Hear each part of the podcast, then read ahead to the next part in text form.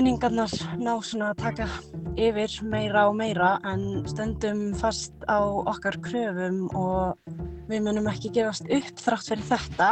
Ég fannst mest erfitt að hugsa og sjá myndbælt af þessu atviki og sjá öll þeir sem voru með okkur í þessum mótmælum og það er engin af þessum hlutamönnum sem var í þessum mótmælum lengur úr landi þegar búin að, búin að bota þess að þeim Ég til dæmis ættar úr, úr Skagafið eða uppalinn á, á sögurkröki og, og hefur verið að lýsa leikjum hjá tindastóla og eitthvað svona og þá mögulega fer maður í það sko að passa sér það mikið að, að vera alls ekki að tala eitthvað máli tindastóls í útsendíkunni að ég er eiginlega farin að tala gegn þeim sko mm -hmm. Komið sæl, kæra hlustendur og veru velkonum borð í lestina í dag. Ég heiti Lóa Björk Björnstóttir og ég heiti Bjarni Daniel og í dag er eh, mánudagur 29. januar og við ætlum að koma viða við í, í lestinni í dag. Já og eftir þá ætlum við að spjalla við tvo íþróttafréttamenn, reyna að koma staði hver sé svona listin á bakvið að lýsa íþróttaleik. Um, Mér finnst það einhvern veginn svo uh, óhugsandi flókið, uh, ég er sérstaklega spáið því út því að ég er að fara að gera það í kvöld. Já, ég, er fara, ég er að fara að lýsa hérna, reykjavíkuleikunum í klifri þannig að ég varði einhvern veginn að komast það þessu og hérna, við skoðum það eftir en við byrjum á þarna, já, því sem við erum búin að vera að gera hérna, í lastinni undarvarnar fjórar vikur. Akkurat, ég tók strætó neyri bæ í dag og uh, í þetta skiptið var ekkert tjald til þess að kíkja í. Það, uh, það var lítið uh, skíli, eða lítið, hvað hva getur við sagt, lítið hlýf sem var búið að strengja yfir svörtu keiluna, minnisvarða um borgarlega ólíðinni og, og einhvern bekk þarna við, við Östuföll og, og palestinskir mótmælendur hafa komið sér fyrir þar, hafa verið þar undanfarna daga síðan að leifi fyrir tjaldinu rann út. Um, þetta eru frekar svona grimmar aðstæður sko verði að segja. Uh, mjög kallt aðna og, og, og svona, já, ekki mikið skjól. Og, og það bárust vist er frettir setjumpartin í dag eftir að ég kikti að sagt, uh, að borgin hefur núna beðið um að taka þessar lífi burtu líka og alla mm. stóla og allt slíkt. Þannig að uh, já, ef að þessi mótmæli halda áfram þá verður þau bara undir berum himni sem er svolítið, svolítið svakalegt að hugsa til þess í þessu veðri, þessu vonda janúar veðri sem er í gangi núna sko. Einmitt, einmitt mm -hmm. og veðrið sístur að batna sístu daga þannig að þetta er, þetta er svolítið svakaleg staða um, en þegar ég fór hérna í morgun þá var bara einn maður á staðnum og, og skulum bara fá að heyra í honum hljóðið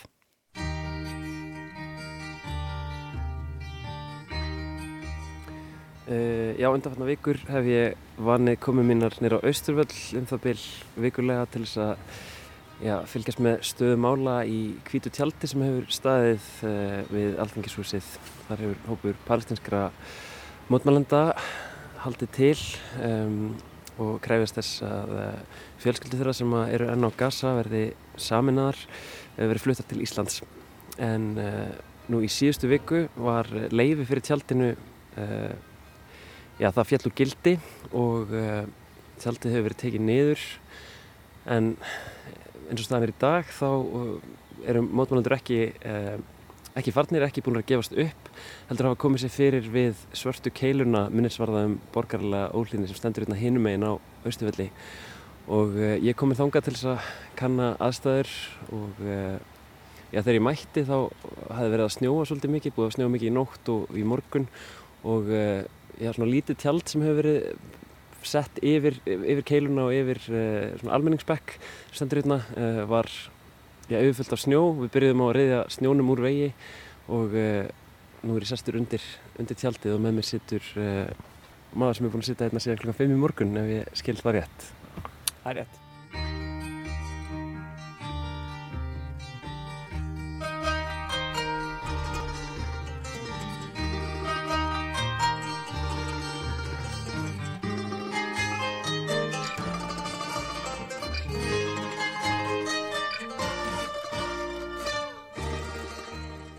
heiti Borgar. Hvernig hefur þín aðkoma að þessu, þessari aðgerð verið yngar til? Mín aðkoma, þú veist, ég er bara ekkert, ekkert meira svo sem heldur en bara þú veist, ég hef verið á komingað og, og bjóða eins mikla hlý og ég get til hólk sem að kannski þarf á að halda. Og þú ert búinn að sitja hérna síðan klukkan 5 og einmitt núna er klukkan að þetta í hálf 12. Hvernig, hvernig það búið að vera? Er það ekkert kallt? Ég hef verið klættir, sko. Þú erum að ræða einn allan tíman? Mm, já, ég kom þá var, þá var einn annar hérna, hann, hann Mohamed var hérna en svo fór hann og og ég er búin að vera þetta bara síðan. Hvernig hefur þetta verið síðan að kvítatjaldið var tekinur? Þá náttúrulega var fólk hérna meira meina allan sólarringin en núna er það orðið tölvert erfiðar að vera hérna í lengri tíma. Er fólk að skipta sér niður á vaktir eða hvernig, hvernig gengur þetta fyrir sig? Já, þetta er svolítið, svolítið skipt niður náttúrulega, þú veist, alltaf Mohamed og, og Naji er náttúrulega alltaf hérna í hérna eða hérna við, skilur við. Og, og svo eru fleiri sem að, veist, taka á sig einmitt og koma kannski einhverja klukkutíma og, og við bara einhvern veginn bara erum að, að við viljum alltaf að, að sé ykkur eitthvað skilja það er alveg frekar, frekar mikilvægt. En já það er, veist, það er eitthvað verið að ræða niður á vaktir og, og eitthvað verið að reyna að skipilegja þau svo, svo sé alltaf ykkur hérna og svo bara stundum skilur við mæti mann þegar mann ákveður að mæta Og hvernig bláðs ég framhaldi við? ætlaði það alltaf áfram að vera hérna eins og lengi þarf? Já, ég ætla ekki að fara nýr Það fer ágætlega um þig mjög góð að segja sko. gerum okkur besta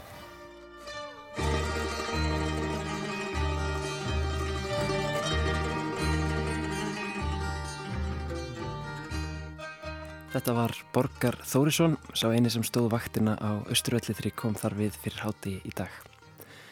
Mér langaði að heyra meira af því hvernig mótmælinn hafa gengið fyrir sig síðan leifið fyrir tjaldinu rann út í síðustu viku og ákvaða að ringja smá símdal.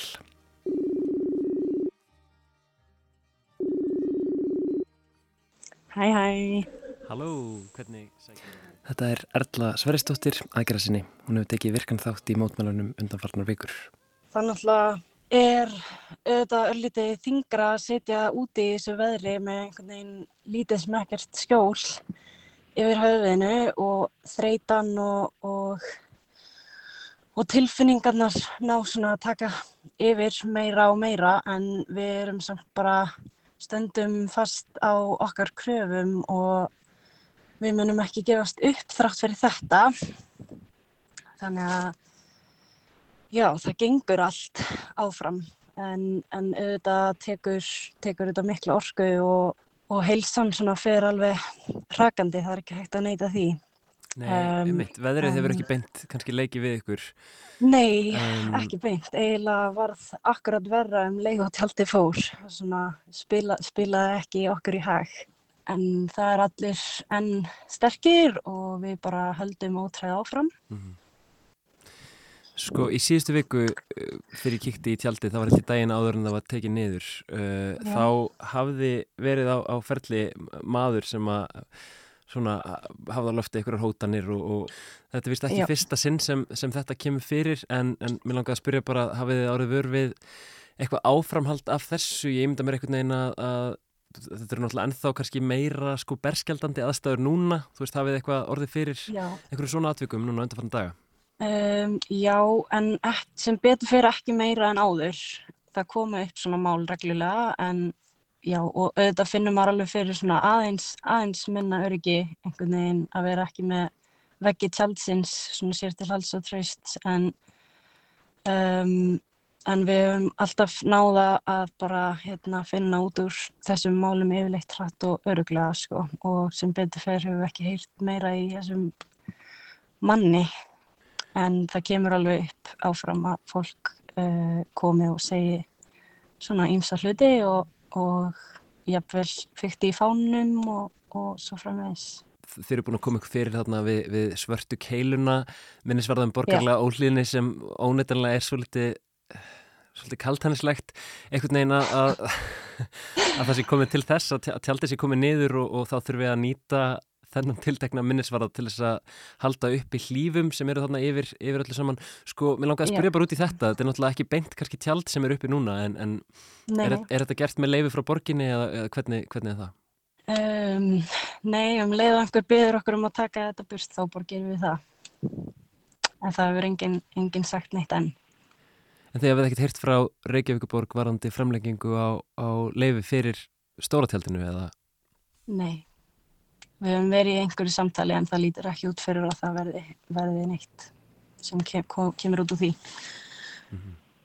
Það er ótrúlega skýrt að þetta heldur ekki aftur á okkur og við munum halda áfram að berjast fyrir kröfunum bara um fjölskyldusamminningar uh, og alþjóðlega vönd fyrir palstínufólk sem er nú þegar statt hérna á Íslandi og þetta er ekki stórar eða flóknar kröfur og þetta er eitthvað sem er hægt að gera á tiltöla auðvöldan hátt.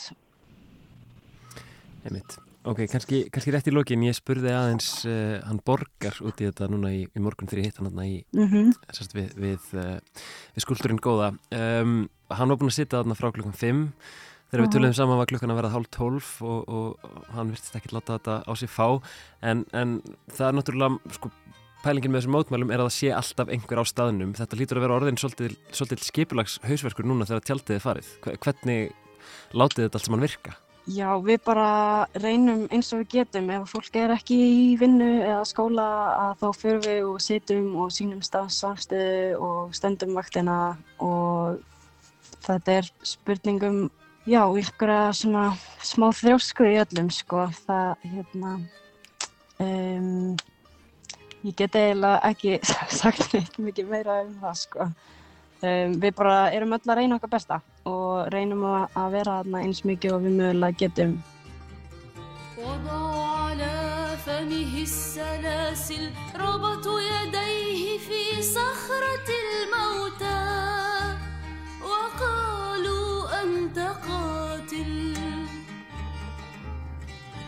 أخذوا طعامه والملابس والبيارق ورموه في زنزانة الموتى وقالوا أنت سارق. طردوه من كل المرافق أخذوا حبيبته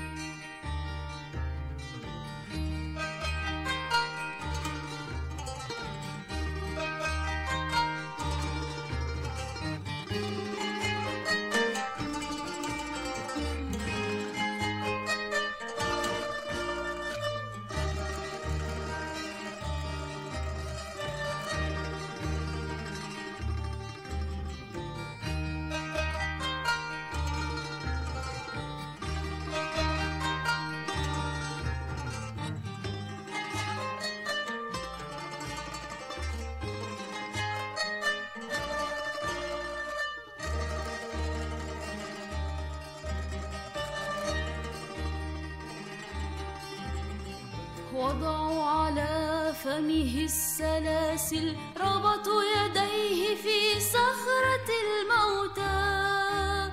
وقالوا أنت قاتل.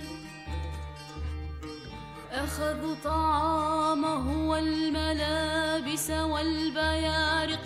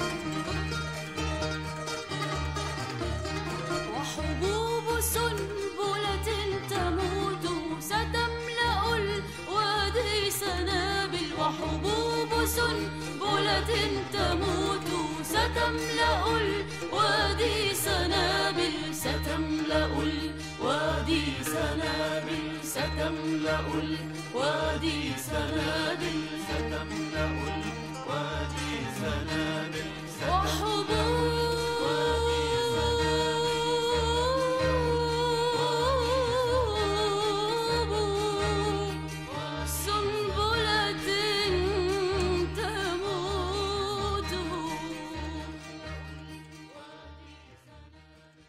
Þetta lag heitir On Man eftir palestinsku nýbylgjusveitina Sabrín um, sem ég skilst að, að foreldrar uh, Bashar sem er að fara að keppi í söngakeppninni hafi stopnað á nýjönda ártugnum. Þetta er eitthvað sem er rækst að í dag.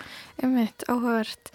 Um, við ætlum að fara af Östufelli aðeins aftur í tíman og hérna endurflytja þætti sem að voru gerðir í lestinni 2022 af henni önnu Marsebil Klausen. Þættin er heita á samvöskunni og það er komið að fymta og síðasta þætti.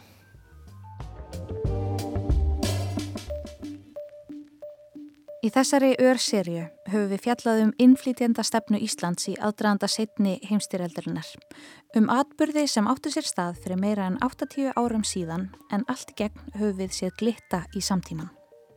Í hugmyndina um að réttar að sé að styðja við fátækt fólk hér heima áður en við tökum á móti erlendu fólki á flóta, í orðræðu um gýðinga sem enn er skráð í orðabækur, í ættartengslinn sem alltaf munu lita upplifun Íslendinga af fortíð og samtíð. Það hvernig sagan er skrifuð. Sagan endur tekur sig ekki en hún rýmar, segir í tilvitnun sem gerðnan er eignuð reytöfundunum Mark Twain og það vil svo til að persónleg saga Július Pollux Rothlander sem rætti við okkur í fyrsta þætti rýmar óþægilega við sögurnar sem hér hafa verið rifjaðar upp. Eins og framhefur komið hjálpaði Július, sem er þýskur, listamennunum Erik de Luca að skrásetja þær dvalarleifis umsóknir gýðinga hér á landi í setni heimstyrjöldinni sem þessi þáttaröð byggir á.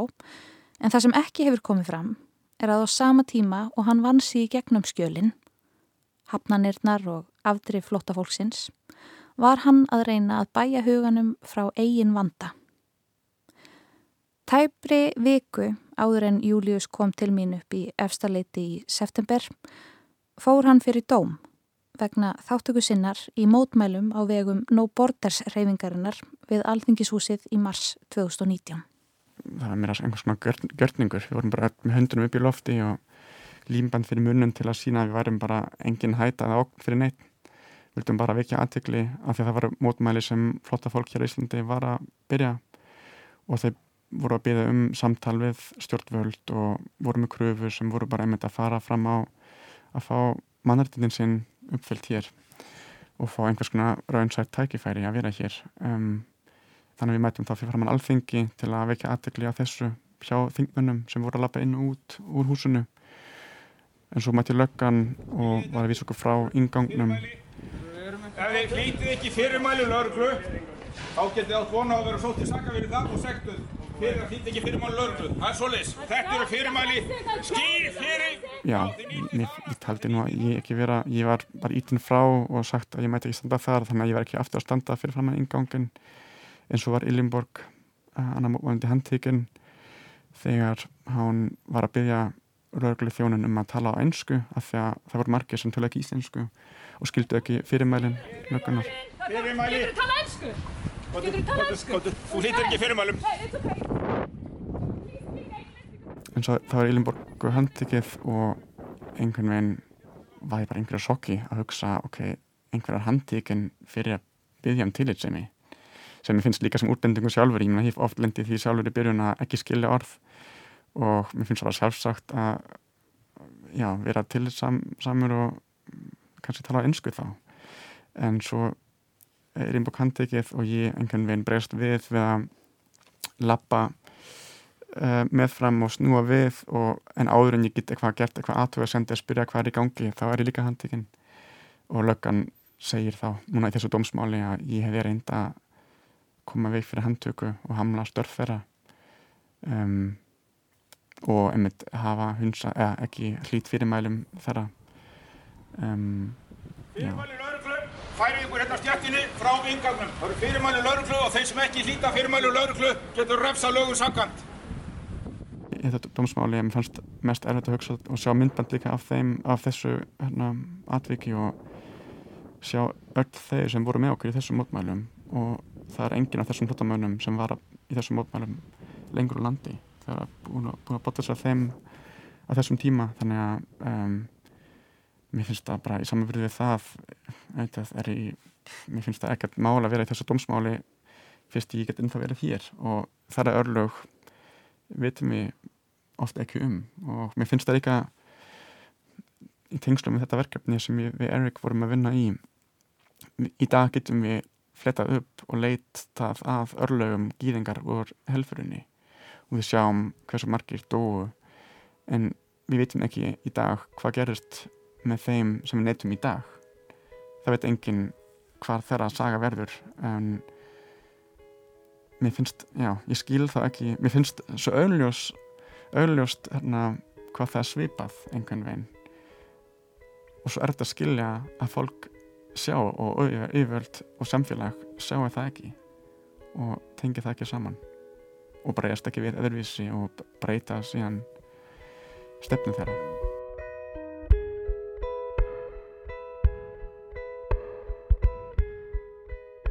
Við vorum sjö sem voru handtekinn á þessum tíma í tveimir mótmælum.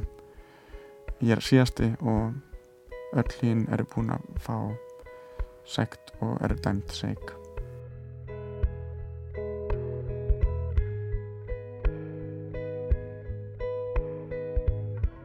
ég meina ég má bara mjög öðvöld, ég má koma að hinga með mínu vegabrifi bara mæta til Íslands fæ kennitölu á, á fyrsta deginum og má bara vera hér og vinna hér en svo annar maður sem kemur annar staða frá og hans vegabrif sem er bara eitthvað pappi sem er uppfinning sem við manneskjör gerðum hann fæ ekki samaréttindi og ég skil og mun aldrei skilja af hverju það ætti að vera munur á okkur.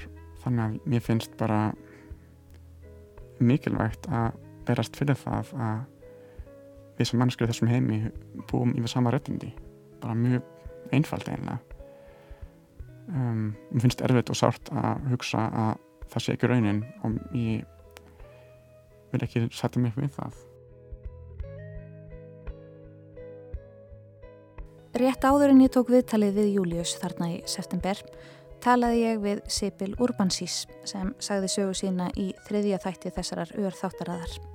Móðir hennar naut hjálpar margra einstaklinga á flótta sínum í gegnum Evrópu, þar á meðal fólks sem beigði eða braut lög og reglur til að bjargani. Þar á meðal tvekja nazista sem vöruð hana við og kvött hana til að flýja. Þessari spurningu er oft velt upp. Hvað hefðum við gert sem herrmenn, ríkistarsmenn eða óbreyttir en hvítir, gagkinheðir, ófallaðir og kristnir borgarar í helfurni? Hefðum við tekið þátt í voðaverkunum? Hefðum við reynt að leiða þau hjá okkur? Hefðum við reynt að bjarga fólki sem var verra statt en við? Hvað gerum við í dag? Það er sagt að það sé auðvelt að vera vitur eftir á en erum við svo vitur ef okkur tekst ekki að nýta okkur lærdóm forfeðra okkar í eigin lífi?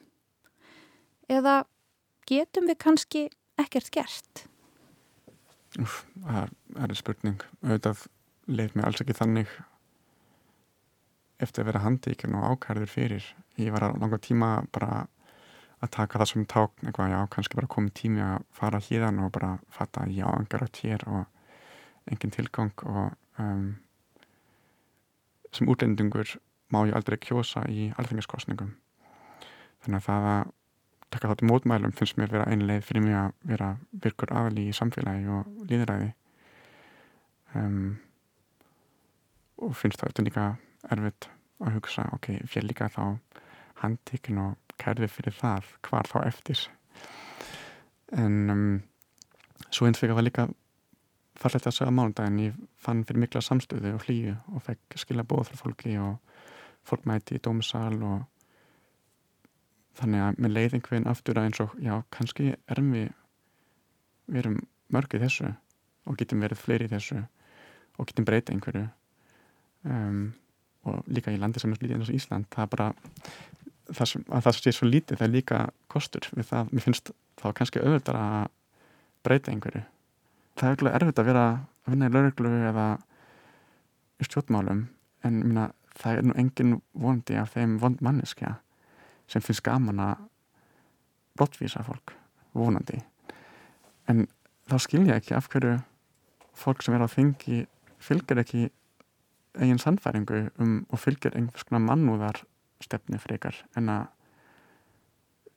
alltaf þessum sumu frösum og eitthvað segja já við getum ekki hjálpað öllum og, en ég meina það hefur aldrei á neinn tímapunkti eitthvað nokkra miljardar heimsbúar sótt um hæli hér á sama tíma Hver, ég meina, það eru nokkra hundraðir á ári. Það er ekki spurningum að allir, meina, það er ekki allir að koma til Íslands að búa í rók og rigningu. Þannig að það er ekki, mér finnst alltaf svo auðveld eitthvað, fólk að já við getum ekki hjálpað öllum en það er aldrei spurning um það heldur. Íslensk yfirvöld hafa aldrei beðist afsökunar á framferði sínu gagvart flóttafólki í setni heimstyröldinni. Fyrir því eru þó fordæmi annar staðar, til dæmis frá Kanada, þar sem fórsætsræðurann Justin Trudeau baðast afsökunar árið 2018 fyrir þá ákverðun yfirvalda að snúa við skipi fullu á flóttafólki þriðjaríkisins 79 árum fyrr.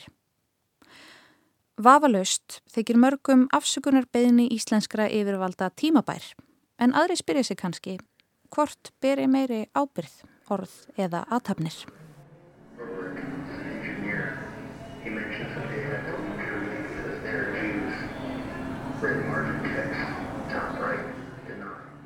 Á innsetningu Erik de Luca í Klingobang var myndbandsverk sem síndi umsóknir gýðinga um hæli á Íslandi og viðbröðum við þeim. Þar var einnig ljóð, þýtt úr þýsku á íslensku og ensku eftir Melitu Urmansís, móður Sibyl, um það að tilheyra, að eiga heima. En þar var einnig innsetning með plöntum, melgresi, sem getur vaksið í þurrum fjörusandi og sandorpnum hraunum og bundið jarðveginn til að koma í veg fyrir sandfók. Í melgresinu fælst vonin um að úr hrjóstugu landslægi fortíðar geti vaksið eitthvað nýtt og að einhver leiti hefur svo von þegar ræst. Í skoðanakönnun MMR frá því í september kom fram stór aukin stuðningur Íslendinga við móttöku flótafólks hér á landi. Samkvæmt henni töldu tæp 40% landsmanna að fleira flóttafólk ætti að fá hæli hér á landi. Það þýðir þó auðvitað að meiri hluta landsmanna finnst við að jafnaði taka á móti nógumörgum eða jafnvel ofmörgum. Flóttamannastofnun saminuðu þjóðuna flokkar um 31 miljón manns í heiminum í dag sem flóttafólk eða hælisleitendur. Árið 2020 komu 867 umsjóknir um alþjóðlega vernd inn á borð útlendingastofnunar. Ég fann ekki tölur í fljótu bræði um hversu mörgum hefur verið hafnað og hversu mörgum hefur verið vísað úr landi. Sögur sumra þessara einstaklinga rata í fjölmiðla. Suma sögur munum við aldrei heyra. Eða kannski heyrum við þær eftir 80 ár. Þegar það er lungu orðið á seint.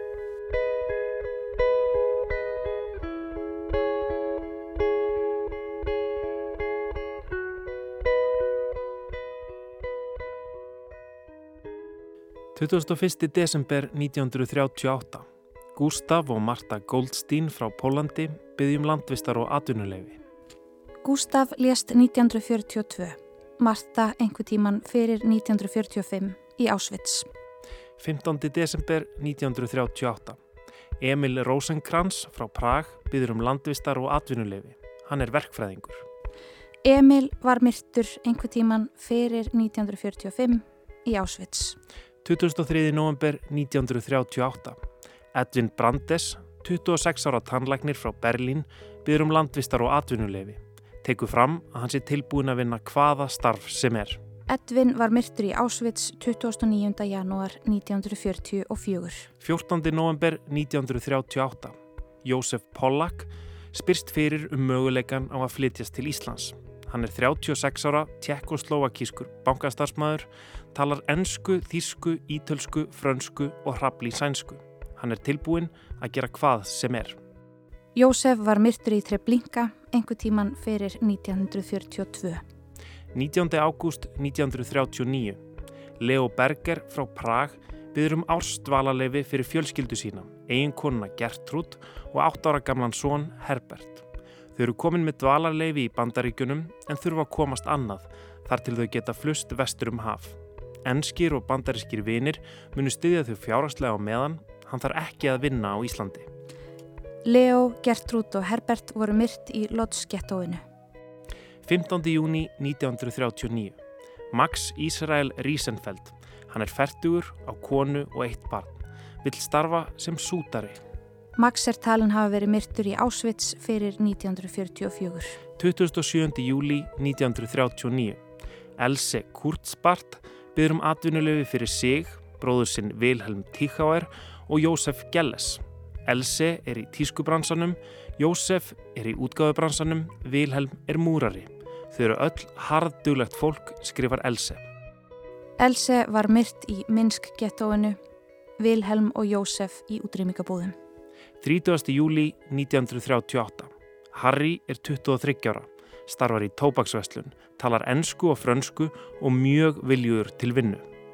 Harry var myrtur fyrir 1945 í Ásvits.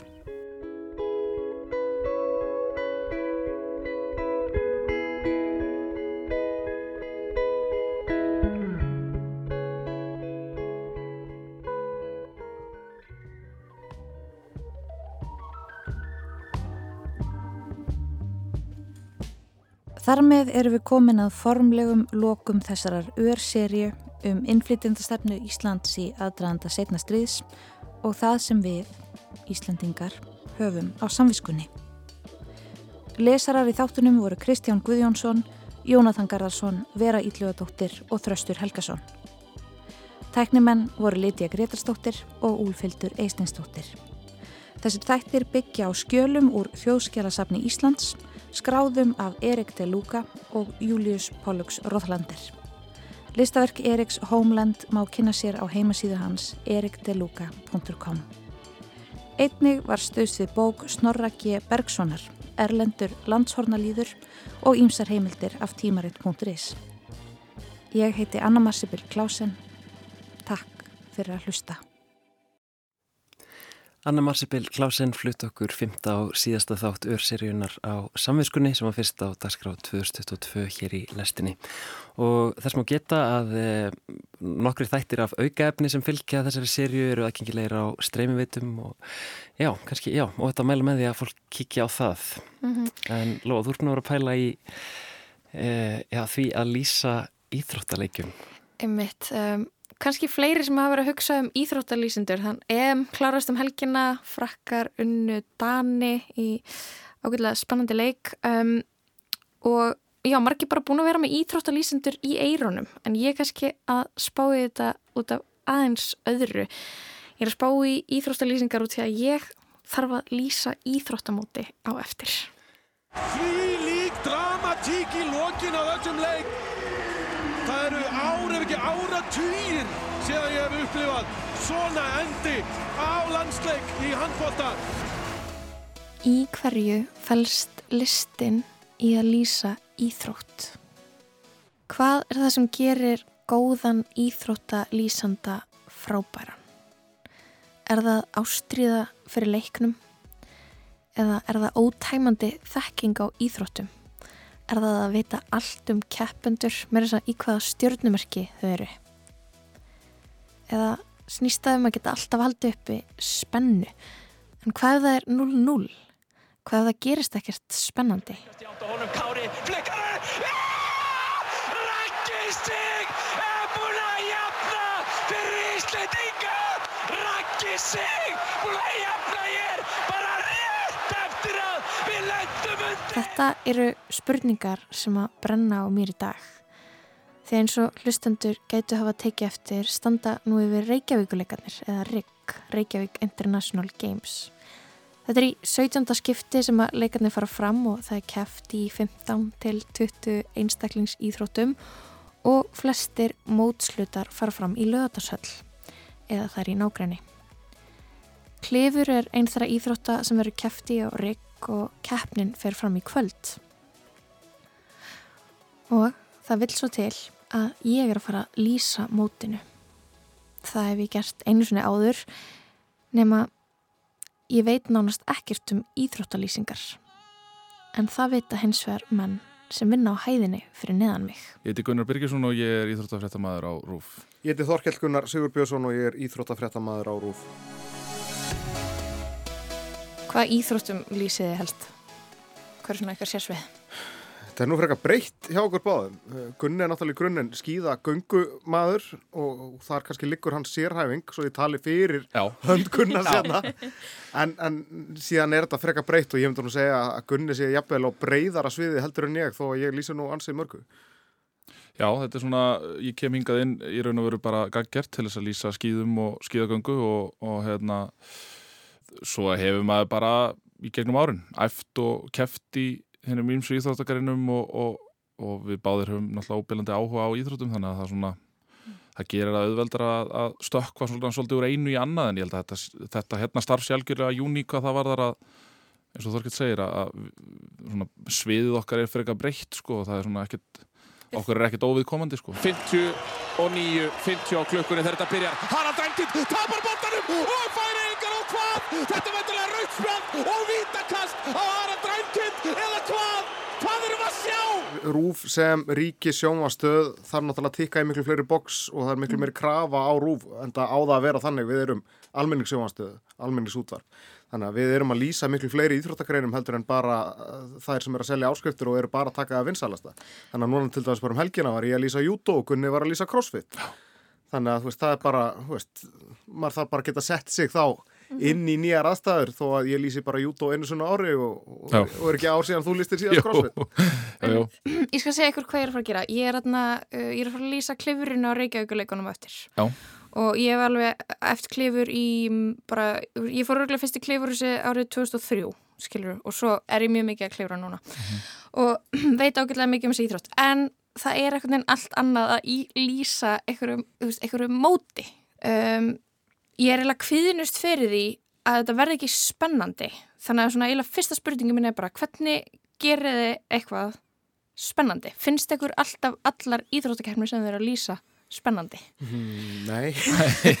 Nei, nei, ég, ég held að það sé ekki þannig þú, ég held að þú getur aldrei í raun gert eitthvað spennandi þú veist, ég hef líst skíðagöngu sem er búin bara eftir 2 km, þá stingur einhver af og svo bara er aldrei neinn spenna en þá kannski reynur mögulega að finna einhver einhverja spennu punkta er bara átt um, um annarsætið eða, eða er bara átt um þriðjasætið eða er þess að ná sínum persónulega besta árangri eða, eða eitthvað svona sem að, sem að mögulega getur fengið áhorfanda til þess að hugsa að þetta sé mögulega eitthvað til þess að fylgjast með, veist, er einhver að keppast við einhver met eða eitthvað slíkt? Ég held að, ég held að sé erfitt fyrir íþróttalýsanda að gera eitthvað sem er ekki spennandi spennandi ég held að það sé mjög Ok. erfitt Já, en maður verður samt einhvern veginn að halda einbendingu út keppnina eða út leikin og Mm. stundu veit maður ekki einu sinni þú veist, maður er kannski búin að afskrifa það að einhver geti komið með endurkomu en, en svo gerist það í lokin og þá náttúrulega eh, lítur allt frekar illa út ef að þaulurinn er bara búin að segja áhörundur nánast að slökkva Já. þegar keppnin er hálnuð og, og svo, svo bara breytist allt því að maður getur kannski ekki alveg séð allt fyrir þannig að það er rosalega já, bara krefjandi fyrir þulinn að halda innbettingu allan tíman og passa upp á það að vera ekki búin að ákveða úslitin löngu fyrirfram þó svo að kannski þegar það er lítið eftir að þá náttúrulega er ekki annað hægt heldur en kannski að, hengja verlunin á, á þann sem að er að fara að koma fyrstur í mark. Elias Eljarsson skipagötu. Hann skorar! Færeyjar eru að ná í fyrsta sigur, fyrsta stíið á stormóti. Því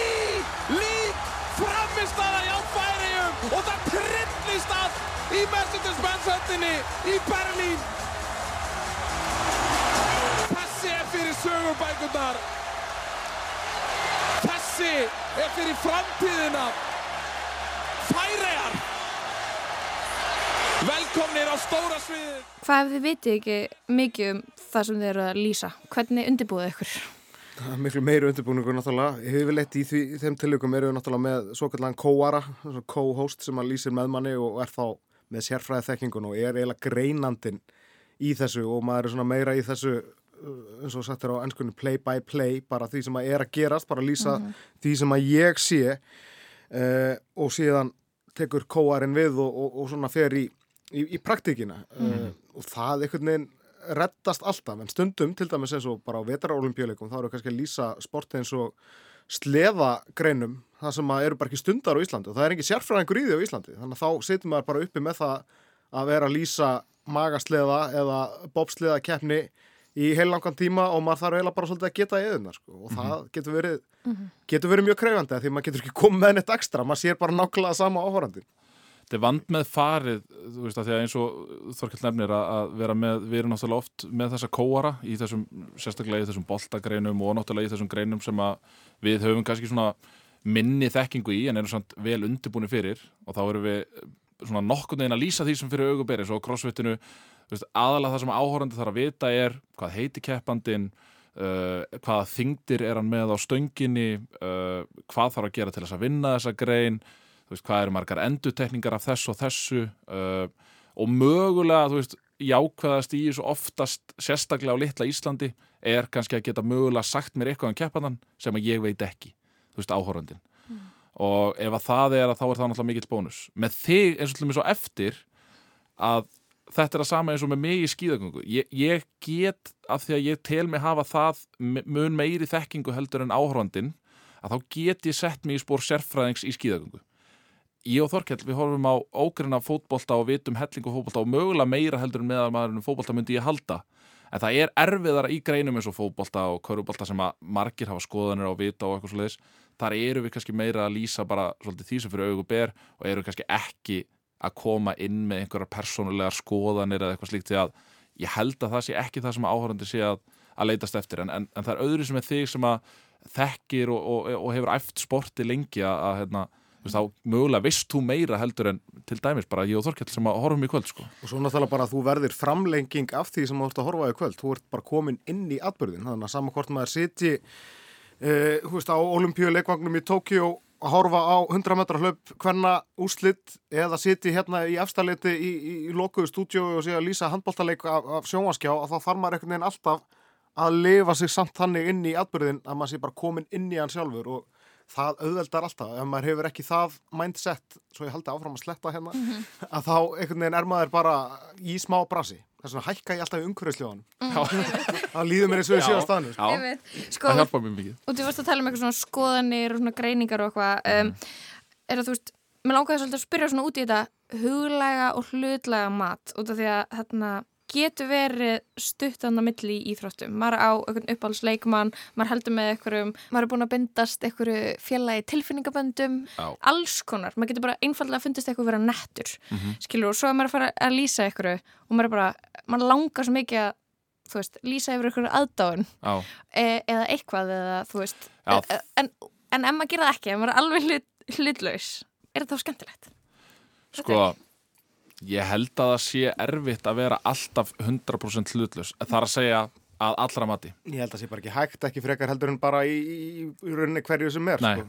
Og, og þú veist, og maður hefur lent í því oft sjálfur að, að þú veist, ég til dæmis ættar úr, úr skagafið, eða þess að uppalinn á, á sögurkröki og, og hefur verið að lýsa leikjum hjá tindastóla eitthvað svona og þá mögulega fer maður í það sko að passa sig það mikið að, að vera alls ekki að tala eitthvað máli tindastóls í útsendingunni að ég er eiginlega farin að tala gegn þeim sko Mhm. þannig að þú veist, það er líka svolítið eitthvað svona einhvers konar balans sem að, og ég, ég meina, það er ekkert laununga mála, þú veist, að ég held með tindastól og, og Þorkell er, er frammari og annað slíkt, en, en við höfum samt sem að líst leikjum hjá þessu liðum, held ég án þess að, að það kom eitthvað endilega í ljós, sko.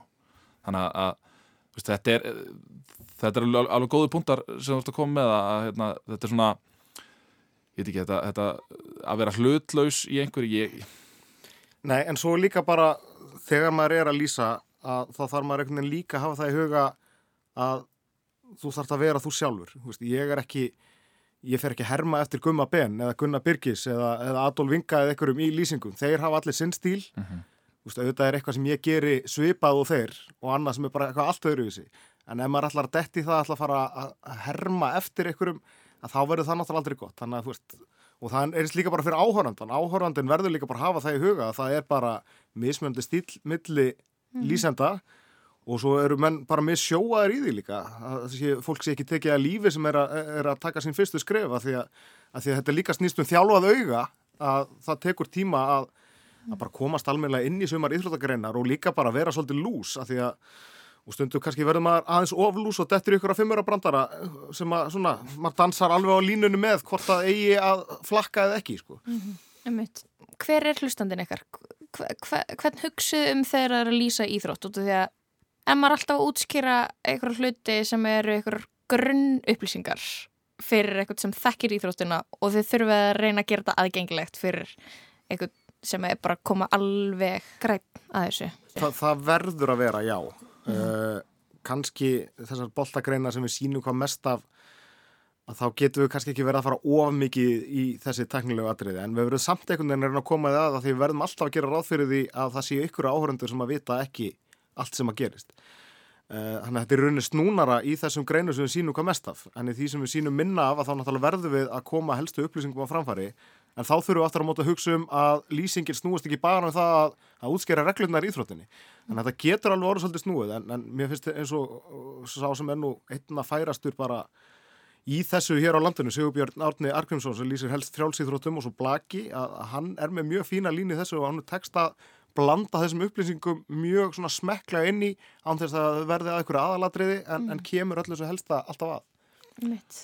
Ég, eh, að þú varst að spyrja hvort, hvort að við varum að hugsa um eitthvað ég hugsa mjög oft bara um ömmu mína á Siglufirði sko, bara, þú veist, sem að hún, hún hefur alveg áhuga á íþróttum hún horfir á, á eiginlega allar útsendingar sem að, sem að Rúf er að sína og hérna, og þetta er eins og Þorkitt segir, þetta er rosalega fín lína hvernig þú ert farin í að útskýra nánast bara allt sem er að gerast og svo milli þess að, veist, geta svona einmitt skotið inn útsendingum og þar held ég að séu átni sé, sé fyrirmynd margara sem, að, sem að eru í þessu, þessari atvinnugrein sko.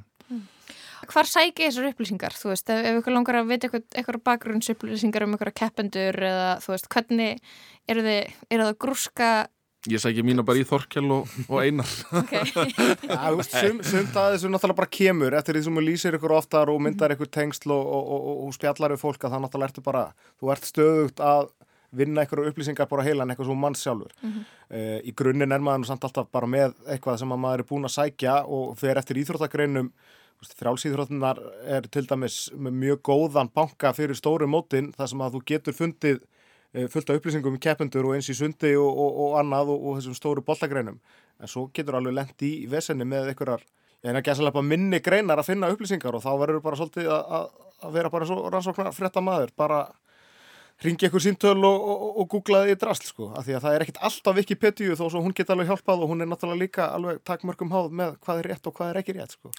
Ég held að svona sérstaklega eins og í, þú veist, ef við, ef við aðskilum einstaklingsgreinar og svo, svo, hó, svo hópíþróttir að, þú veist, í einstaklingsgreinum að þá svona er maður oftast með fyr, svona árangur fyrir ára, uh, veluna, skrá og annað slíkt, uh, eins ef það er einhver met eða eitthvað slíkt eins og í sund og frálsum og þannig.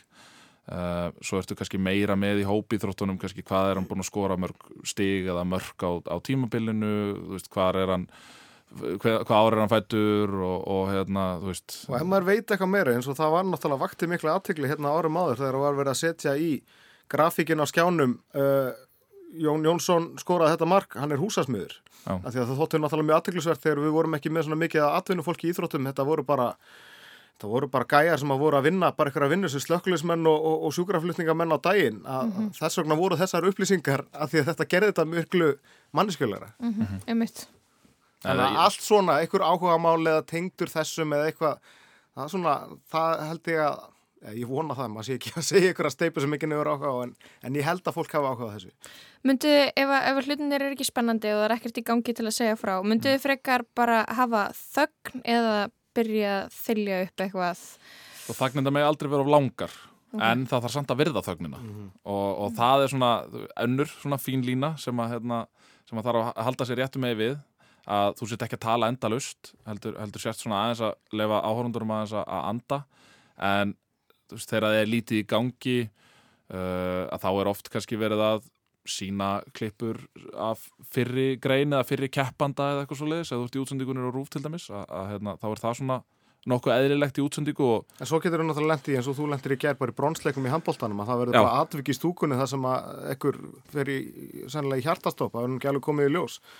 Og útsendingin heldur bara áfram þannig að þá það bara gunni að halda boltanum á lofti í, ég veit ekki hvað þetta voru, 15 mínútur eða eitthvað og það, þú veist, auðvitað getur að ímislegt svona komið fyrir og þegar þú veist aldrei hvað gerist í beinni og það er svona kannski það sem er einna mest heillandi við þetta starfa að hérna, þú svona veist aldrei hvað kemur næst þannig séð, þú ert alltaf að reagra á það sem er í gangi á skjánum Mhm. en ég held að, veist, þögn er er held ég vannmettnasti hluturinn hjá, hjá íþróttalýsindum oft á tíðum sko.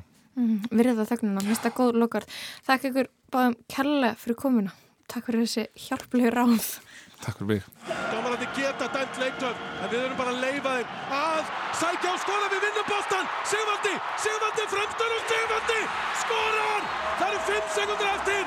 Tæk Malbæk, slókir núna, Ílits og Randi Vói við og Viktor Gísliverð. Einhvern veginn náum við að landa þessum punkti. Því líkur endarsprettur á þessum leik. God is king, we the soldiers. Ultra beam out the solar. When I get to heaven's gates, I ain't gotta peek over. Keeping perfect composure. When I scream at the chauffeur, I ain't mean, I'm just focused. I ain't mean, I'm just focused. Put a lean out slower. Got us clean out of soda. Before the flood, people judge. They did the same thing to Noah. Everybody wanted Yandi. That Jesus Christ did the laundry. They say that we start on Monday, but the strong start on Sunday. Won't be bondage to any man. John 8:33. We the descendants of Abraham. Ye should be made free. John 8:36. To whom the Son set free is free indeed. He say the wretch like me. Hallelujah, hallelujah, hallelujah, hallelujah, hallelujah, hallelujah, hallelujah, hallelujah, hallelujah, hallelujah, hallelujah, hallelujah, hallelujah, hallelujah. If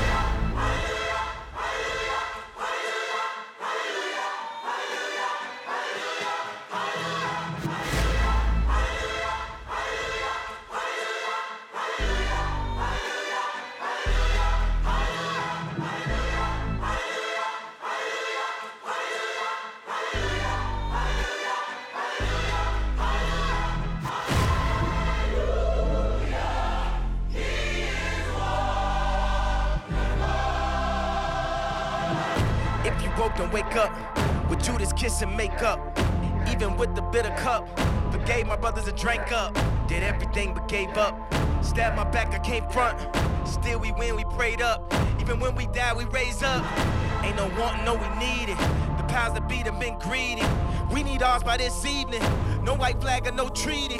We got the product, we got the tools, we got the minds, we got the youth. Going wild, we on the loose. People is lying, we are the truth. Everything old should now become new. The leaves will be green, bearing the fruit. Love God and our neighbor as written in Luke. The army of God and we are the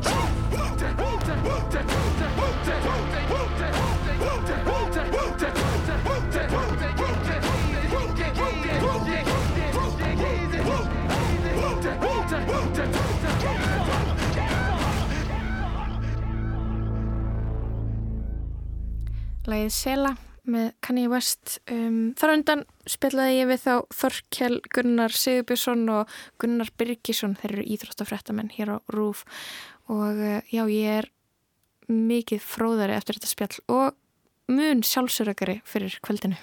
Það er frábært að heyra. Sko, ég, fór að hugsa um að hérna, örgulega skemmtilegsta sem að, eða svona eitt af skemmtilegsta sem ég þurfti að gera eh, hérna á RÚF er einmitt þegar ég hef verið að sjá um kvöldvaktina á Rást 2 þar sem ég var áður eh, og það hafa verið þessi eins og handbóltamót Mhm. eh, að þá eru þau náttúrulega, þá eru leikinni sendir út á Rást 2 og þá þarf þess að dagskrafjörnum að sitja yfir þul á meðan hann er að lýsa leik í bytni sem er hérna svo skrítið að sitja inn í herbyggi á meðan maður öskrar á sjónvarskjá um, En gaman, eða ekki? mjög gaman, jú, ég hef oft gert þetta með þorkilegið mitt þannig að já, gaman að því. En lestin verður ekki mikið lengri í dag. Nei, við erum komin að leðalögum og já, við Bjarni Daniel og Lóðbjörg þakkum samfélgina þennan mánudaginn. Um, Tæknum er þetta var Lítja Gretarsdóttir Verið sæl